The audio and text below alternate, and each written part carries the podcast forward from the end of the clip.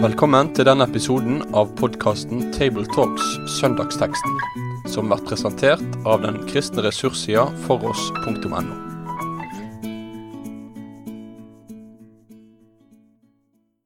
Vel møtt til samtale over søndagens tekst. Vi er samlet til en eh, oppbyggelsesstund, i hvert fall for oss selv her, og håper det blir til glede for dere som lytter. Det er Svein Granerud, Egil Sjåstad og Asbjørn Kvalbein. Og eh, Svein Granerud presenterer teksten. Ja, vi eh, er nå samlet, og det er Lukas 10 som er teksten i dag. Og så ser jeg at jeg har bladd opp feil her, så nå blar jeg raskt mens jeg snakker. Og vi skal uh, lese et veldig kjent avsnitt på slutten av uh, kapittel 10, fra vers 38, med overskriften 'Jesus hos Martha og Maria'. Da de dro videre, kom han til en landsby der, han, der en kvinne som het Martha, tok imot ham i huset sitt. Hun hadde en søster som het Maria, og Maria satte seg ned ved Herrens føtter og lyttet til hans ord. Men Martha var travelt opptatt med alt som skulle stelles i stand. Hun kom bort til dem og sa, Herre, bryr du deg ikke om at min søster lar meg gjøre alt arbeidet alene? Si til henne at hun skal hjelpe meg. Men Herren svarte henne, Martha, Martha, du gjør deg strev og uro med mange ting, men ett er nødvendig. Maria har valgt den gode del, og den skal ikke tas fra henne. Det er teksten vår. Og det første som slår meg, er at jeg hørte en gang, tror jeg Vi har jo lært litt prekenlære, noen av oss. Og da lærte man et begrep om den altfor kjente tekst. Mm. Altså en tekst som eh, ikke bare predikanten, men ofte tilhørende også kan såpass godt at, at man lurer på hvordan kan du ta tak i noe her som kanskje er nytt eller har noen sånne mottaker ved seg, sånn at det blir sittende litt fast og ikke bare glir rett igjennom. Jeg vet ikke om dere sitter med en sånn følelse i møte med teksten hos Martha Maria og det ene nødvendige som vi gjerne understreker her, Egil? Jeg sitter igjen med en uh, tradisjon jeg har kanskje sjøl også vært en del av. da. At uh, her er det snakk om to mennesketyper. Mm. Den innadvendte og den utadvendte. Den uh, aktive og den kontemplative. Og samtidig har jeg stadig vekk hørt oppgjør med den tanken igjen, da. Oh ja, at det er ikke så enkelt. Du har ikke lagt deg på den linja Så jeg har ikke lagt meg på linja sjøl, og ikke alle predikanter har ligget på den linja heller. Og dessuten så er det mulig å si noe meningsfullt også om det, da. Mm. Hvis en ikke havner bare der. Skal vi høre på Asbjørn om han har sånn, sånn, sånn som start på samtalen? Jo, har du et sånn første steg inn i denne teksten fra gammelt av? Det er jo en måte å tenke på, det med typer. Men det er jo litt roller også her, da, syns jeg, som er interessant. Og det er at uh, Martha blir presentert som en huseier. Og enten er hun en dyktig enslig kvinne, eller så er hun en enke. For det var ikke vanlig å ha sitt eget hus uh, såpass at hun kunne ta imot en flokk på 12-13 sultne mannfolk. Så det er det ene. Og det andre er jo at den rollen som Maria har, det er jo faktisk å, å gå inn som elev, disippel. Eh, for det var det de gjorde, de som var under de lærde Eh, Gamaliels føtter osv. De satte seg ved føttene og lyttet, så hun er på en måte en forløper for å være en kvinnelig disippel. Jeg skulle til å si det, det var ja. jo mannfolkene som var eh, lærlinger hos rabbinerne. Ja, ikke sant. Så dette er litt uh, nytt uh, hvis vi tenker på den tids roller. En uh, sjefete kvinne som Martha var. mm. Men det står jo uttrykkelig Jesus elsket disse to pluss broren Lasarus, og han satte dem veldig høyt. Og vi skal ikke plassere disse menneskene i en bås, for de har absolutt eh, noe positivt ved seg begge. Nei, men Det er spennende innsteg til samtalen, det her. Eh, jeg har også tatt en runde omkring typene, sånn som Egil nevnte. Og Jeg har talt mye over den teksten, jeg også, som sikkert dere har. Ja. Og jeg tenker det, det, er ikke helt galt også å bruke noen minutter, kanskje, på å si litt om at i Guds rike er det som også hjemme her ulike typer. Eh, det går sikkert an, som mange har gjort, å karikere dem litt og gjøre Martha til mer manhaftig og, og styringsdirigert enn det hun kanskje er. Og gjøre Maria enda frommere enn hun eh, kanskje er også. Men, eh, men at det er en storesøster som ordner, og en lillesøster som kanskje lar henne ordne, det kan jo være at det er noe der, eller? Hva tenker dere? Og at det kan kanskje brukes, om ikke det er hovedsaken, til å si noe om at, at i Guds rike så er gjerne sånn. Og så må vi finne tak i hva som Jesus har som hovedpoeng, selvfølgelig. Ja, det er viktig at en kan være fri nok til å ta opp sånne ting da, som har med mennesketyper å gjøre. Det går jo an å si noe meningsfylt om det fenomenet, da, at vi er forskjellige som typer av personlighetslegning. da, Og at uh, Jesus er interessert i begge parter, egentlig. Men det som kan bli feil, da, det er hvis du gjør én personlighetstype At det er enklere for en type å bli en inderlig venn av Jesus, da. Da blir det feil. Mm. Ja, Det har jeg også prøvd å si, at det er ikke det som er hovedsaken. Ikke hovedsaken. Det er en uh, sak vi kan ta med oss på veien, men, uh, men, evangeliet er ikke at det er kjekkere å være som Maria. Nei, det, det er ikke det. det er, og så må man jo se sammenhengen her. Altså, det er like før at um, eh, det kommer en lignelse om uh, denne her som falt blant røvere. Og da var det jo den barmhjertige samaritan som var i virksomhet til tusen med og Det står veldig detaljert beskrevet hva han gjorde. Han var en flott diakon og en hjelpesmann og en aktivist, kan vi si. Eh, og kan det da oppfattes slik at her vil Lukas plassere dette eh, stykket som eh, en påminnelse om at det er ikke bare å være en aktiv eh, i menigheten, men også først og fremst å være en som lytter. Eh, og eh, dermed så blir dette en balanse, for det er noen som er veldig aktive, og noen er mer passive. De har fått sånne roller. Men her vil Jesus si det er ett som er nødvendig midt i all aktivitet, og det er å være gode lyttere.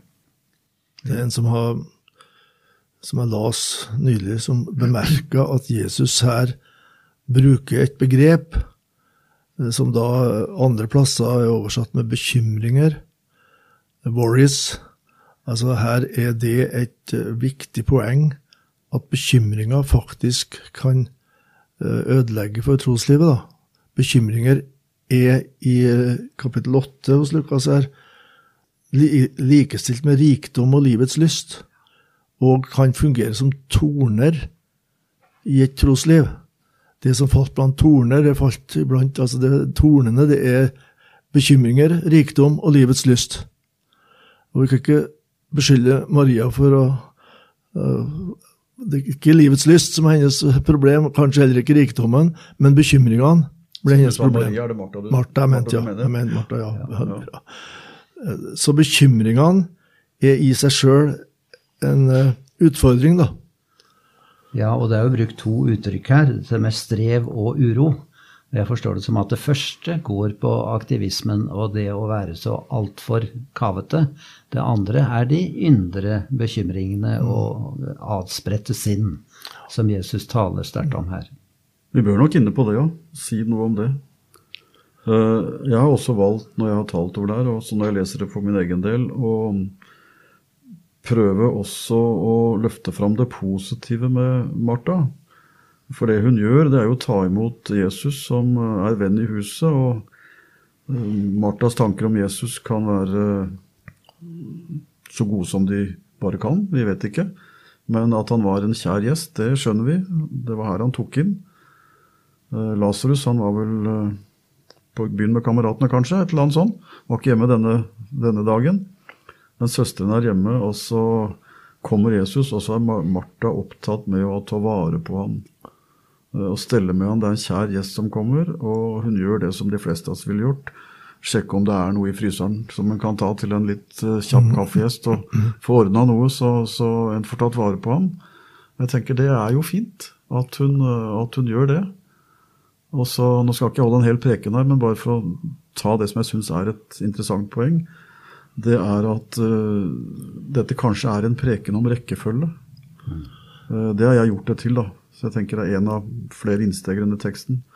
For det er jo bare to personer her, uh, og de velger to ulike ting. Martha velger først å tjene Jesus. Mens Maria gjør det som Jesus helst vil, at han skal få tjene henne først. Og der tenker jeg det ligger både et evangelium, men også et kall til en en rekkefølgeteologi som er ganske basal i kristentroen. Nemlig at hvis jeg skal tjene Jesus, så må han tjene meg først. Og Derfor har jeg talt mye om denne teksten også som en tekst om den evangeliske rekkefølgen, hvor Jesus ikke tar ned Martas vilje til å tjene og sier nei takk til kaffen, men han sier at det er noe som er viktigere, og det er flott at det kommer først. Vet ikke. Jo, jeg tror det er et poeng. I, den, i det kapitlet der det står om bekymringsløshet, eller bekymringer, som Jesus tar opp i bergpreka, der er et kjerneord 'søk først Guds rike', så kan du få alt dette andre i tillegg. Så det er noe med prioritering, det er noe med hva som er først. Mm. Og alt det som kommer under, det trenger ikke, og er ikke alltid galt, men hvis det skaper sånne bekymringer som gjør at vi ikke løfter blikket mot det som skal være først, da blir det et problem. Og Maria har valgt, står det her. Så det kreves et valg, da. Om igjen og om igjen. Hun kunne gjort noe annet. Hun kunne gjort noe annet. Ja. Men hun, har valgt det, det derre, og det, hun har valgt det som Jesus sier, søk først Guds rike og hans rettferdighet. Så det er absolutt relevant å tale om et valg her, da. Ja, og det innledes jo med at Jesus er på vandring. Dvs. Si, han er ikke overalt til enhver tid. Eh, det er han kanskje i, vår tid, men, men, det er jo stunder da Jesus kommer oss nær. Og spørsmålet er hva gjør vi da? Eh, da inviterer han, og det gjør Martha. Og eh, Maria prioriterer riktig. Hun velger den gode del. Og det må ikke vi ta fra henne, at hun da prioriterer som hun gjør. Eh, men det er jo interessant at eh, noen mener at eh, Jesus er litt tøff her og litt hard mot Martha. Og kanskje det er grunn til å bli litt satt på plass, fordi hun jo Martha befaler Jesus å irettesette søsteren, så å si. Altså, hun er så vant til å styre sitt hus og ordne opp at hun tror hun også kan irettesette Jesus. Det er ikke helt vanlig at man ber gjestene irettesette slekta. Ikke sant? det er en ganske uvanlig så, så, vi må jo også si da at uh, Jesus er ikke imot husarbeid heller. Uh, det er noen som oppfatter denne teksten sånn, at han kritiserer Men alle som har vært i nærheten av husarbeid, og jeg håper mange har det, vet jo at det er veldig mye arbeid. Jesus var jo i selskap av og til, så han vet vel at det er litt kjøkkenarbeid i forkant. Ikke sant? Ja. Jeg har et godt eksempel på dette i Apostlenes gjerninger, kapittel 6. Ja. For der var jo da det med mat og borddekking og det å ta seg av maten i menigheten, det var veldig arbeidskrevende. Og apostlene sier ikke at det er galt, men de sier at vi må omorganisere noe her. Sånn at vi får ta oss av det som vi er satt til, og andre skal ta seg av det de er satt til. Men det store målet er dette kristne fellesskapet her, som hører Jesus til. Så den teksten det står om at uh, vi skal vie oss til bønnen og ordet, står det. Det var de, de apostlene som da var samla der. Så dermed er ja, iallfall den teksten er også en påminnelse til folk med forkynner- og lederansvar. da. Mm. Hvordan prioriterer du i ditt liv? Det har vært en tankevekker for meg. da. Det er mye å hente fra den teksten her, stemmen er kort. Eh, et av de poengene jeg har tatt i forlengelsen av det jeg nevnte nettopp, er at jeg prøver å være litt sånn spissformulert pedagog og si at Martha hun velger det nest beste av det man kan gjøre her i verden. Hun velger å tjene Jesus. Og det er så stort at det bare er én ting som er større. Og Hvis du hviler litt på det skjæret der, så kan du få folk til å lure på hva kan være større enn å tjene Jesus. Det må da vel være det største av alt. Misjon og diakoni og evangelisering. Fins det noe større enn å tjene Jesus? Ja, sier det er en sak som er større og viktigere, og det er at Jesus fortjener meg. Og, det, og så kan du si litt om det, selvfølgelig, om hvordan Jesus kom for å, ikke for å tjenes, men for å selv å tjene og gi sitt liv. Og så kan vi og bør vi si noe om at øh, hvis jeg skal tjene Jesus, slik at andre berøres av den tjenesten, så merkes det om han har tjent meg først. For det er ikke tilfeldig, tror jeg, at også Bibelen for øvrig er opptatt av at helliggjørelse, for det er vel det vi snakker om også, Det er et resultat av at Jesus slipper til først, at han får gjort sin gjerning med meg først. Så jeg tenker det går an å forkynne både evangeliet om hva som er troens grunnlag, men også hjelpe mange slitne tjenere. For Martha blir fort sliten, og det fins en dum måte å bli sliten på. og Det er når vi har gått i egen kraft og kommer til Jesus til slutt og tenker at nå får han velsigne det. Nå har jeg stått på lenge. Istedenfor å begynne hos Jesus og si i dag skal jeg ut i mange oppdrag. Nå får jeg starte her hos deg. Og konkretisere det. Da tror jeg vi er inne på noe av dette med den evangeliske rekkefølgen igjen. Jeg har tenkt litt på kristne som jeg har kjent fra oppveksten, da. Og noen som ikke lenger er med, for å si det sånn, da. Sånne triste historier som jeg tror jeg har sett eksempler på. Og da tror jeg svært ofte det er forholdet til Guds ord som har svikta. Og det, i det ligger det ikke bare forholdet til min personlige bibellesing og bønn, men til det kristne fellesskapet også. Jeg tror ikke det er riktig å bruke den teksten her til å snakke om at uh, det viktigste er å være alene med Jesus. Jeg tror ikke det er hovedpoenget for Jesus, at vi skal være alene med ham. Uh, det, det, er godt, det, og det er viktig å synge sånne sanger som skal hva se den sangen, Det var Jesu føtter i stille stund. Mm. Når jeg og Jesus alene er, ja, ja. da er det hugna å leve her. Dette har vi erfart, mange av oss, hvor viktig det er med den alenestunden. Men i Det nye testamentet så forutsettes det at de kristne de kommer sammen. De skal ikke forlate forsamlingen, som noen har for skikk, står det. Du skal møtes med andre kristne, og hva er poenget? Du skal høre og lytte. Så Det var jo så tydelig at det var kanskje flere enn Maria som satt ved Jesu føtter også. Det kan det ha vært. At det var flere samla. Ja, det var vel alle disiplene? Ja, antagelig. antagelig. Ja. Og det sier noen ting om at uh, det kristne fellesskapet, der har forkynnelsen av Guds ord og uh, dialogen med Herren sjøl prioritet nummer én. Og så kan vi legge til rette andre ting, sånn som det legger seg til rette for oss, men at dette er hovedsaken, og at vi trenger fellesskapet, og vi trenger å være alene med Jesus. Begge deler. Ja, det er et flott poeng. Og ellers så er det jo også en annen spissformulering å si det at uh, Martha inviterte Jesus inn i sitt hus, sitt hjem, mens Maria inviterte egentlig Jesus inn i sitt hjerte. Mm. Uh, og det kan man spille på og sette som en liten vekker over dette. Har du plass for han i hjertet, slik at du får ro og uh, velger den gode del og legger til side strevet og uroen og bekymringene, Eh, slik at han får virkelig stelle med deg. Men jeg er så enig i dette at denne stillheten kan så godt foregå i et fellesskap. Og her var de mange samlet, da. Eh, og eh, vi må ikke tro at dette er svart-hvitt, for Martha viser i flere hendelser vi møter henne to-tre ganger til i Det nye testamentet, og da viser hun seg som en veldig fin kristen personlighet. Så poenget er ikke å utelukke den ene fra den andre, men prioriteringen. Velge hva som er nødvendig, hva som må komme først. Guds rike først.